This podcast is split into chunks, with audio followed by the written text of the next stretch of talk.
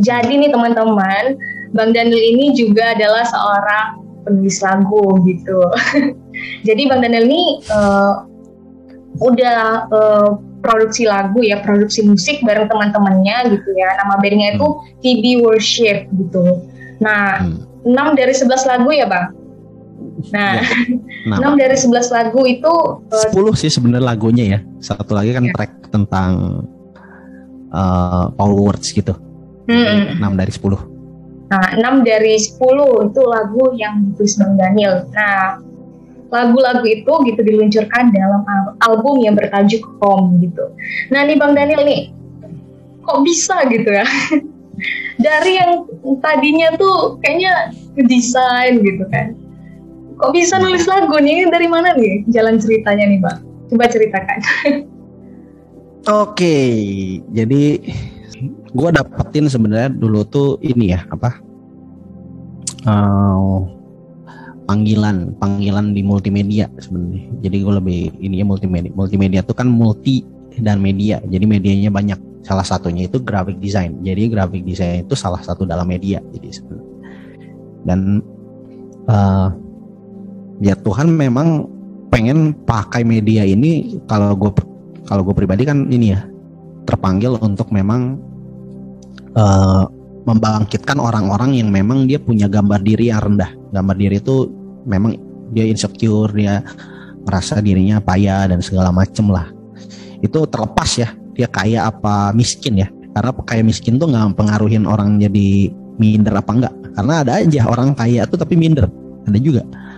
Dan ada orang juga yang miskin tapi jadi sombong gitu ya ada juga ya maksudnya ya itu ya dia tuan panggil media dan salah satu media itu kan sebenarnya menulis. Menulis tuh include di dalam media sebenarnya.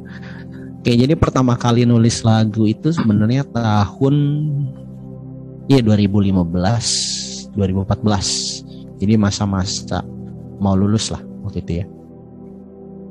Uh, jadi sebenarnya karena menulis itu ada dalam sebuah panggilan di media, akhirnya gue ngetry lah, ngetry. Cuman ngetry doang, iseng-iseng sebenarnya. Iseng-iseng aja. Cuman waktu itu yang mendasari gue iseng itu sebenarnya adalah jadi tahun 2014 itu baru dibukain kebenaran tentang rumah rohani. Jadi kebenaran tentang rumah rohani itu baru dibukain lah. Dan itu akhirnya gue banyak banyak nyari. sih gue waktu itu dengerin khotbah tentang rumah rohani dan segala macem. Tapi memang nggak ada yang ngejawab banget gitu ya. Jadi selalu rumah rohani itu digambarkan dengan komunitas rohani. Padahal komunitas rohani dengan rumah rohani itu berbeda. Jadi rumah rohani itu sudah pasti komunitas rohani, tapi komunitas rohani belum tentu rumah rohani. Ya kebenaran simpelnya gitu ya. Akhirnya adalah satu kakak yang ternyata udah ngedalamin ini dan lebih dalam lah ibaratnya. Akhirnya gue ngobrol lah dengan satu kakak ini tentang kebenaran ini. Karena dulu tuh gue ada fase di mana hmm, gue di gereja, gue ngerasa kemampuan multimedia gue ini kayak cuma dieksploitasi jadi ini orang bisa dan kayak ibaratnya dikerjain lah gitu ya tapi nggak ada gue nggak bisa berkembang karena semuanya serba sendiri gitu ya karena serba sendiri gue harus ngembangin diri sendiri wawasannya juga cari sendiri gitu. Nggak ada orang yang benar-benar di situ gitu ya. Gue jadi kayak first first pertama orang-orang orang pertama lah yang kayak gitu. Dan gue ada satu titik di mana dulu tuh gue gue bete gue bukan bete ya uh, jenuh jenuh banget. Gue sampai waktu itu ini ya di gue sampai berpikir apa gue pindah gereja ya? Gue pindah gereja aja ya untuk ini nih ke gereja yang bisa mengakomodir potensi multimedia gue lah ibaratnya gitu.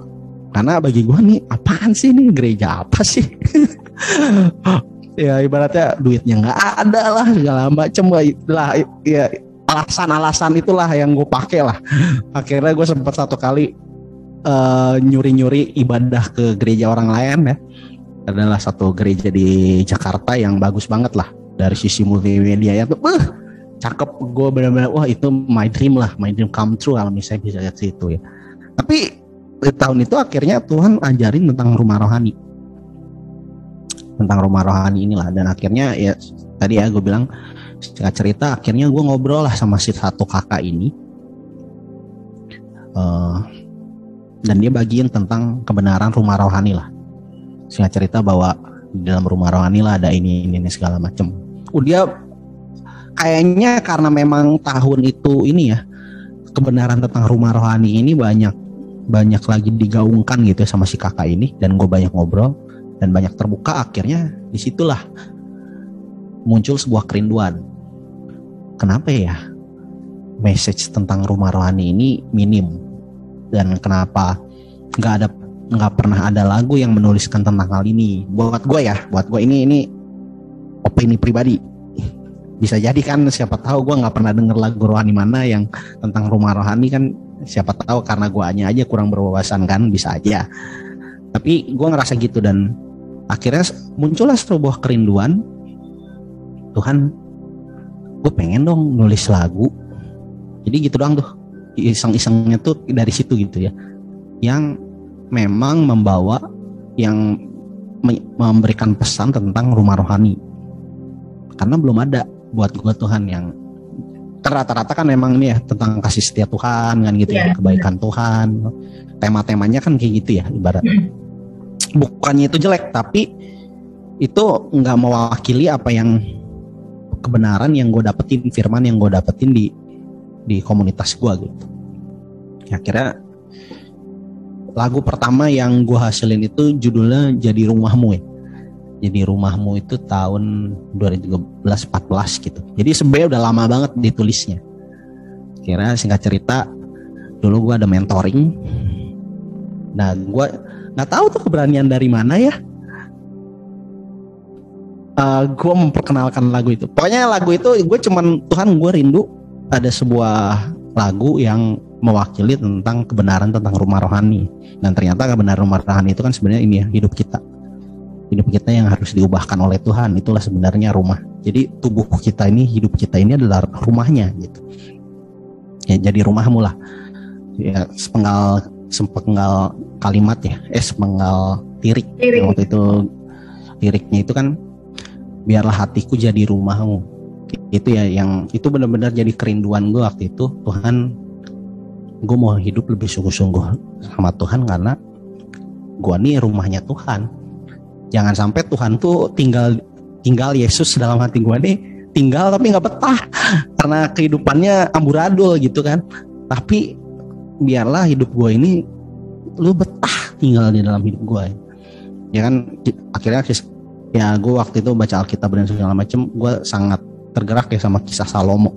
Ketika pertama kali membangun bait Allah pertama dia dia ini ya sampai tersungkur. Itu keren banget gue baca itu sampai nangis ya. Karena gila ya Tuhan. Kemuliaan Tuhan gila banget ya. Sampai si Salomo tuh nggak bisa berdiri lagi katanya. Tuhan udah. Lu lu Allah yang yang kekal Allah yang luar biasa mau tinggal di dalam sebuah kemah sebuah bait yang fana sebenarnya. Dan di situ itu yang jadi inspirasi lagu itu ya.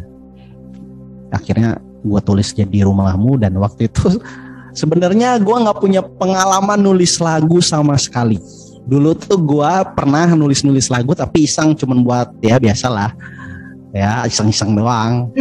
Enak-enak didengar nggak tahu. Enak didengar telinga orang mah nggak tahu kan. Ya gue juga nggak tahu tuh jadi rumah tuh enak apa enggak. Tapi buat gue enak gitu ya. Akhirnya gue di mentoring itu gue perkenalin kak gue punya lagu nih kak. Judulnya jadi rumahmu. Ya akhirnya gue perkenalkan lagu itu dan singkat cerita inilah positif lah responnya. Wah ini lagu bagus. Ini lagu yang emang harus jadi kerinduan komitmen kita sama-sama. Nah dari situlah akhirnya gue baru menyadari oh ternyata gue bisa nulis lagu ya.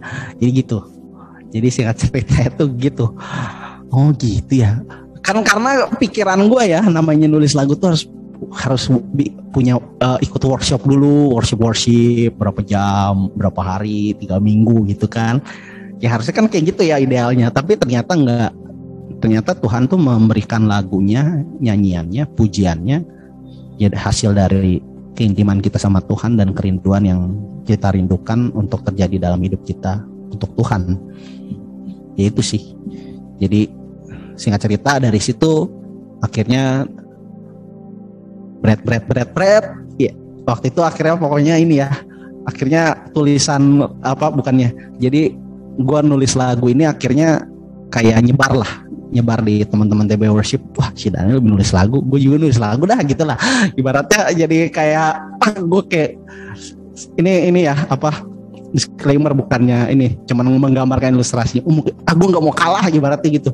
Gue mau nggak mau kalah gue juga nulis lagu gitu akhirnya ya singkat cerita uh, sampai tahun 2017an lah ya akhirnya.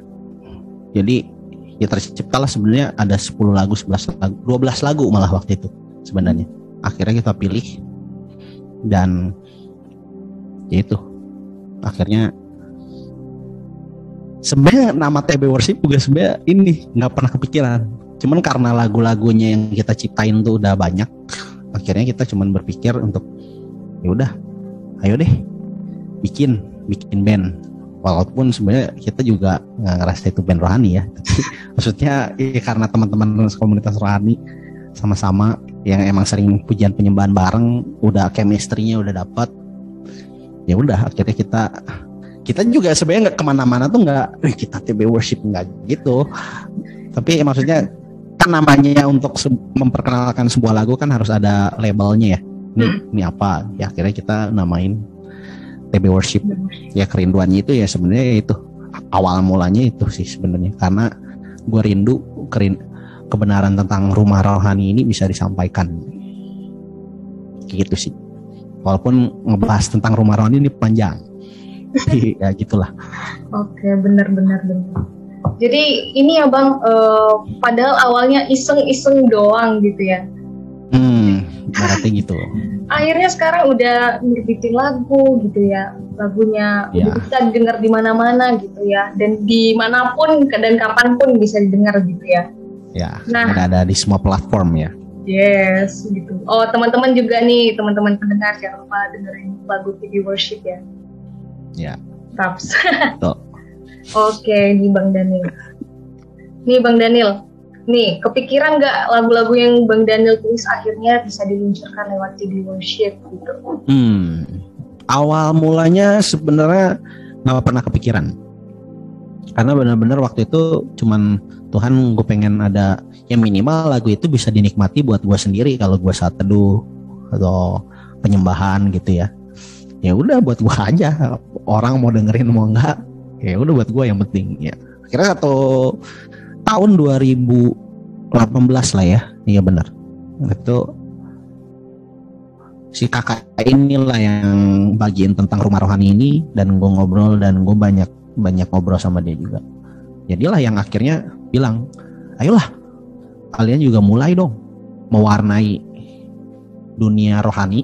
Maksudnya musik rohani dengan dengan kebenaran yang kalian punya. Oh iya iya iya.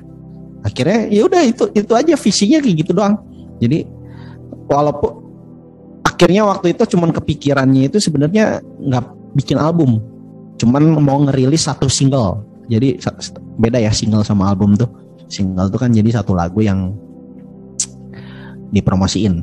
Nah album. Cuman akhirnya kakak ini bilang album aja supaya orang bisa bisa ini apa bisa simpulin sendiri makna makna rumah rohani yang dari album itu. Makanya kita akhirnya uh, ini ya apa uh, namain album pertama itu Home.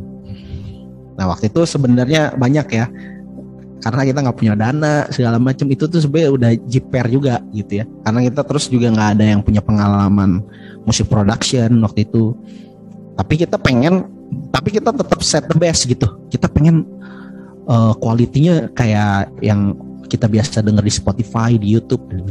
Jadi nggak nggak yang nggak yang recording amatir gitu ya. Maksudnya ngerti ya? Amatir tuh maksudnya iseng-iseng doang. Kita pengen orang tuh dengerin lagu ini emang mereka bisa terberkati dengan produksinya juga bukan hanya pesannya tapi secara musikalitas pun mereka bisa bisa itulah apa apa sih? Diberkati. Susah yeah. banget bahasanya. Ya kira-kira gitu sih. Jadi sebenarnya nggak pernah kepikiran. Itu sebenarnya cuma pengen lagu yang dibawain di komunitas kita aja. Tapi ya itu ya. Mungkin Tuhan juga bicara melalui si kakak itu. Hmm. ini waktunya untuk pesanan-pesan dari kebenaran rumah rohani ini disampaikan keluar. Gitu. Gitu sih nggak hmm. pernah kepikiran dan ya luar biasa sih. Akhirnya terjadi. Puji Tuhan. Memang benar-benar itu ya bang uh, penyertaan penyertaan Tuhan semuanya gitu ya. Betul dan betul. ini sih teman-teman juga bisa ya uh, untuk cari tahu ya gitu uh, tentang gemar rohani gitu mungkin dengan lagu ini lagu TV worship album Home ya. ini ya teman-teman gitu. Karena memang uh, kita ngejar juga kan apa yang menjadi kegerakan Tuhan gitu kan apa yang Tuhan mau gitu kan di akhir-akhir ini gitu. Ya. Hey, uh, ini nih bang, nah bisa ceritain nggak nih bang, gitu selama produksi musik, hmm. gimana nih uh, Tuhan memimpin uh, teman-teman TV worship gitu sehingga Oke. Okay. luncurlah home ya. Hmm. Oke, okay, jadi kayak dulu kan memang ini ya kerinduannya besar, visinya besar, tapi memang harus realistis juga. Gak ada dana, gak ada uang lah ibaratnya. Ya, ya puji Tuhan ya. Kalau buat gue ya, dulu uh, jadi gini. Akhirnya Tuhan juga yang bawa kan ya. Gue kan kerja. Akhirnya waktu itu kerja yang yang tadi gue ceritain di awal, yang bosnya kurang gitu, mau apa mengapresiasi. Cuman singkat cerita penghasilan gaji gua di situ itu bisa bisa bisa memberanikan diri akhirnya untuk uh, penghasilan yang gue sisihin dari gaji gue itu bisa beran, memberanikan diri untuk akhirnya produksi album ini. Gitu. Jadi jadi um, memang waktu itu wah dananya dari mana ya? Ya bagi gue gue kerja di situ dan gue punya penghasilan kali di waktu itu zaman itu memang ini ya memang pas lah untuk bisa rilis itu gitu ya. Akhirnya ya beranian aja. Yaudah pakai uang gue gitu ibaratnya. Jadi gue ditulis juga sebagai eksekutif produser ya di album itu. Karena memang dananya dari dari penghasilan lah. Nah, singkat cerita tuh nah tapi dana udah ada itu kan tapi orang yang pengalamannya nggak punya. Kita punya punya pada jago musik sih di TB worship tuh. Gue gue sebenarnya nggak nggak jago musik ya. Gue tuh sebenarnya orang yang ah nggak ngerti lagu juga. Cuma bisa nulis doang sebenarnya. Kalau secara musikalitas sebenarnya gue nggak nggak nggak nggak hebat dari lebih hebat dari teman-teman. Teman-teman jago-jago banget. Tapi kita nggak ada yang punya pengalaman untuk musik production ya jadi benar-benar kita buta tuh sama sekali. Ya singkat cerita nggak tahu gimana si Kamorin tuh akhirnya dia dapetin channel ke namanya ya gue sebut aja namanya ya satu kakak. Namanya Kaluki Barus waktu itu. Nah Kaluki Barus inilah yang akhirnya gue juga nggak ngerti nih orang motivasinya apa. Tapi waktu itu kita ngo apa maksudnya si kita pitching lah kak lu bisa nggak bantuin kita untuk kita produksi album? Uh, kayak worship ini gini gini gini ada 10 lagu. Oke okay. ya singkat cerita kita tuh nggak pernah kenal kakak ini tapi akhirnya dipertemukan lah.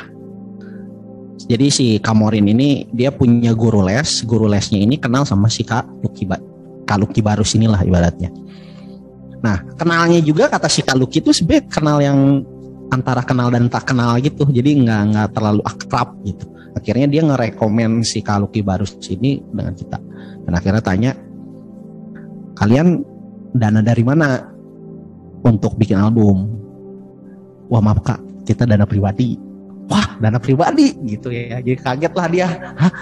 Nggak ada ini nggak ada label mana-mana? Gitu. Dari Maranata atau apa kan harusnya kan bisa ya kita bikin proposal segala macam. Tapi ini bener-bener dana pribadi gitu ya. Aduh, aduh gimana ya? Akhirnya dia dia bukain lah singkat cerita dia bu, uh, bukain tentang nih segini nih dana yang dibutuhin. Dan itu wah kaget juga tuh. Tapi gue nggak tahu ya keberanian dari mana segini ya. Hmm, udahlah maju. Akhirnya memberanikan diri untuk akhirnya coba aja coba. Ah, coba dan akhirnya puji Tuhan ya. Walaupun itu mengandalkan gaji bulanan. Jadi memang ini ini ini lucu karena memang ini ya. Cuman gue gue ini sih puji Tuhan banget sih. Kaluki ini tuh bener-bener jadi gini. Harusnya tuh na namanya produser bayar di awal tuh. Jadi misalnya dananya sekian. Jebret lu kasih gue dulu DP 50 juta atau apa eh 50 persen sorry. Baru kita start. Nah tapi si Kaluki ini tuh nggak gitu dia tuh oke okay, kalian punya dananya berapa? Kita mulai aja.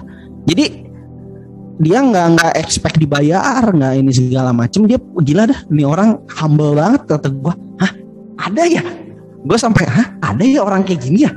Maksudnya mau gitu di kita disclaimer ya ini TB worship tuh bayar dia cuman bayar produksi doang nggak bayar jasanya bayangin jadi kan sebenarnya ada jasa ada ada ininya ya ada produksi itu. Bayangin kita tuh cuman bayar ke dia tuh produksinya doang.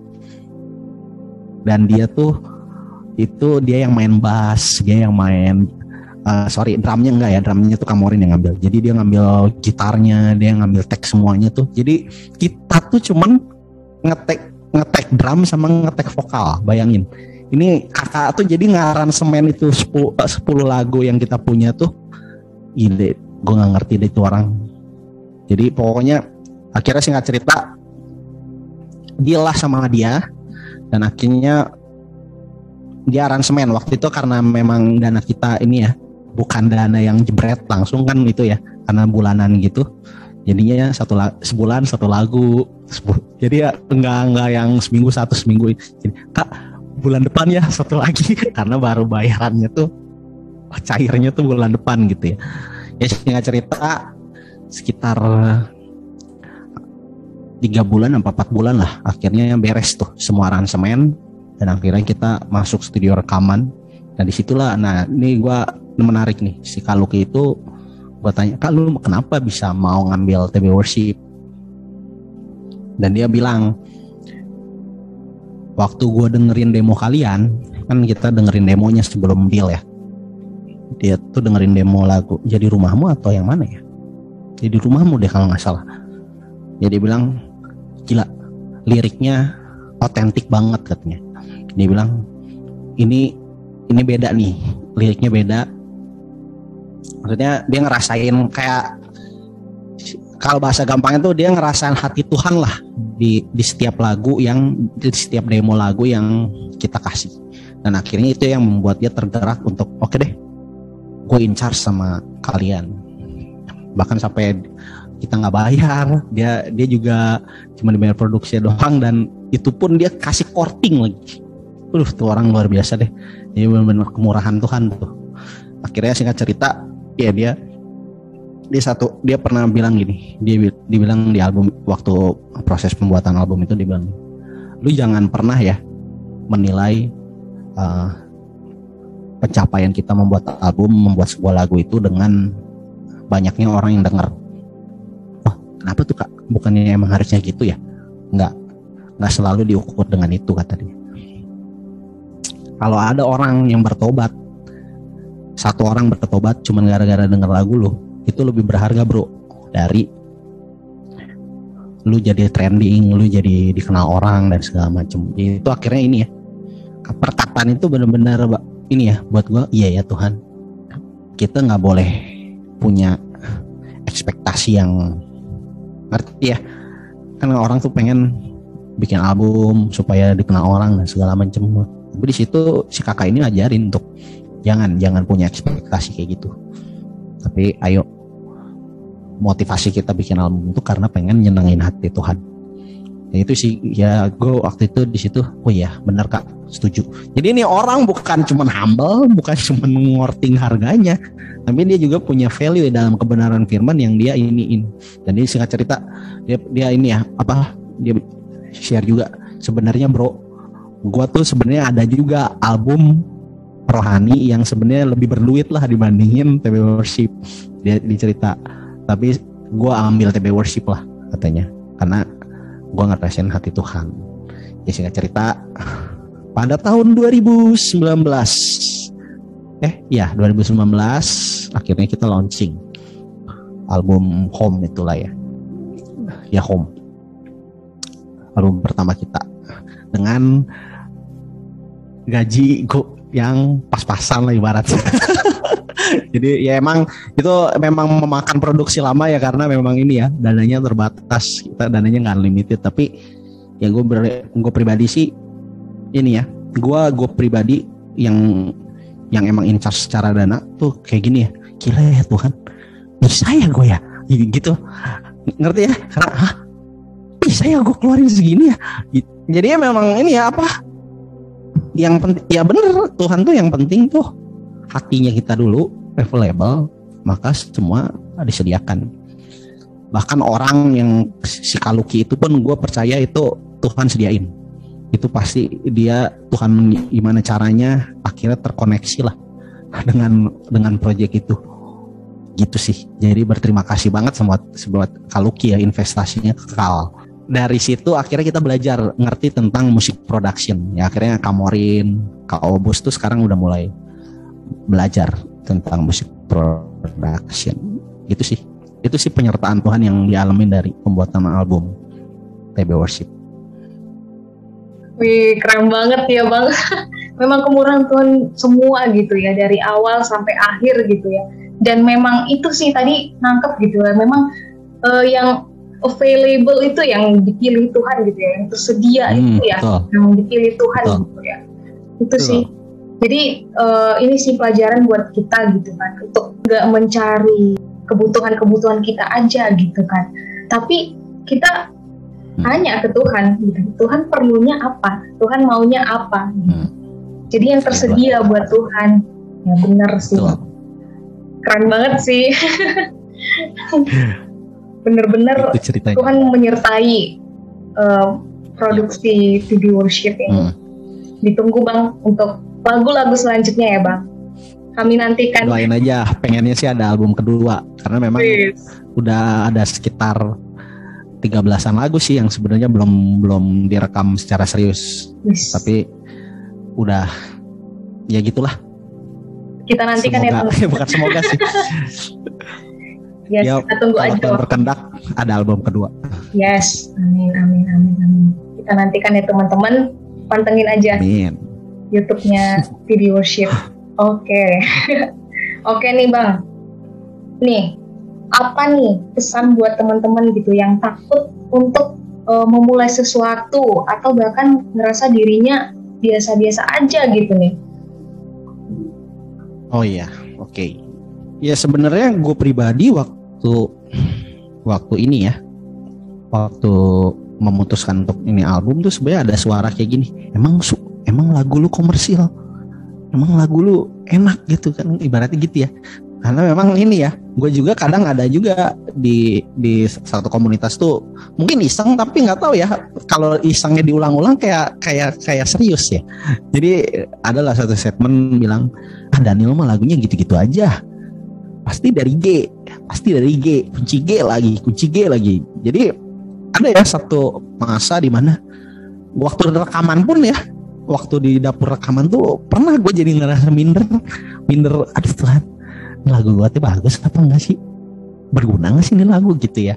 Berarti gitulah tapi ya sebenarnya untuk memulai itu dasar yang paling kuat tuh sebenarnya harus adalah hati Tuhan hati Tuhan dulu sebenarnya yang harus mengawali apa yang mau kita kerjain. Kalau ada hati Tuhan, ada provisi, ada penyediaan. Tuhan pasti berikan kesanggupan untuk kita kerjain, untuk kita bisa lakukan itu. Walaupun kita belum pernah memulai, gue pun belum pernah memulai album, dan gue nggak pernah ekspektasi bikin album, nulis lagu segala macem. Tapi yang gue tangkap ya cuman Tuhan ada di situ Tuhan rindu untuk lu kembangin itu. Kan ada firmannya yang tulis ini ya lakukan segala sesuatu itu untuk Tuhan bukan untuk manusia ya. Nah jadi sebenarnya dasar kebenaran ini sih yang harus sebenarnya menjadi dasar untuk orang memulai sesuatu. Ada nggak hati Tuhan? Ada nggak? Ya jangan jangan ini ya jangan motivasinya oh, supaya gue keren supaya gue kelihatan top nih atau apa jangan. Kalau selama motivasi kita itu pasti deh. Ketika orang mencibir kita, ketika orang ngerendahin kita, ketika orang apa ya gak suka sama apa yang kita kerjain, kita pasti berhenti. Tapi kalau kita bergerak melakukan sesuatu tuh karena memang kerinduan yang lahir dari Tuhan, walaupun itu pasti tetap ada ya penilaian negatif tuh, tapi kita nggak akan terhenti. Tapi kita akan terus melangkah. Gitu. Jadi ya buat gue sih jangan takut. Selama itu adalah hati Tuhan ya. Takutlah kalau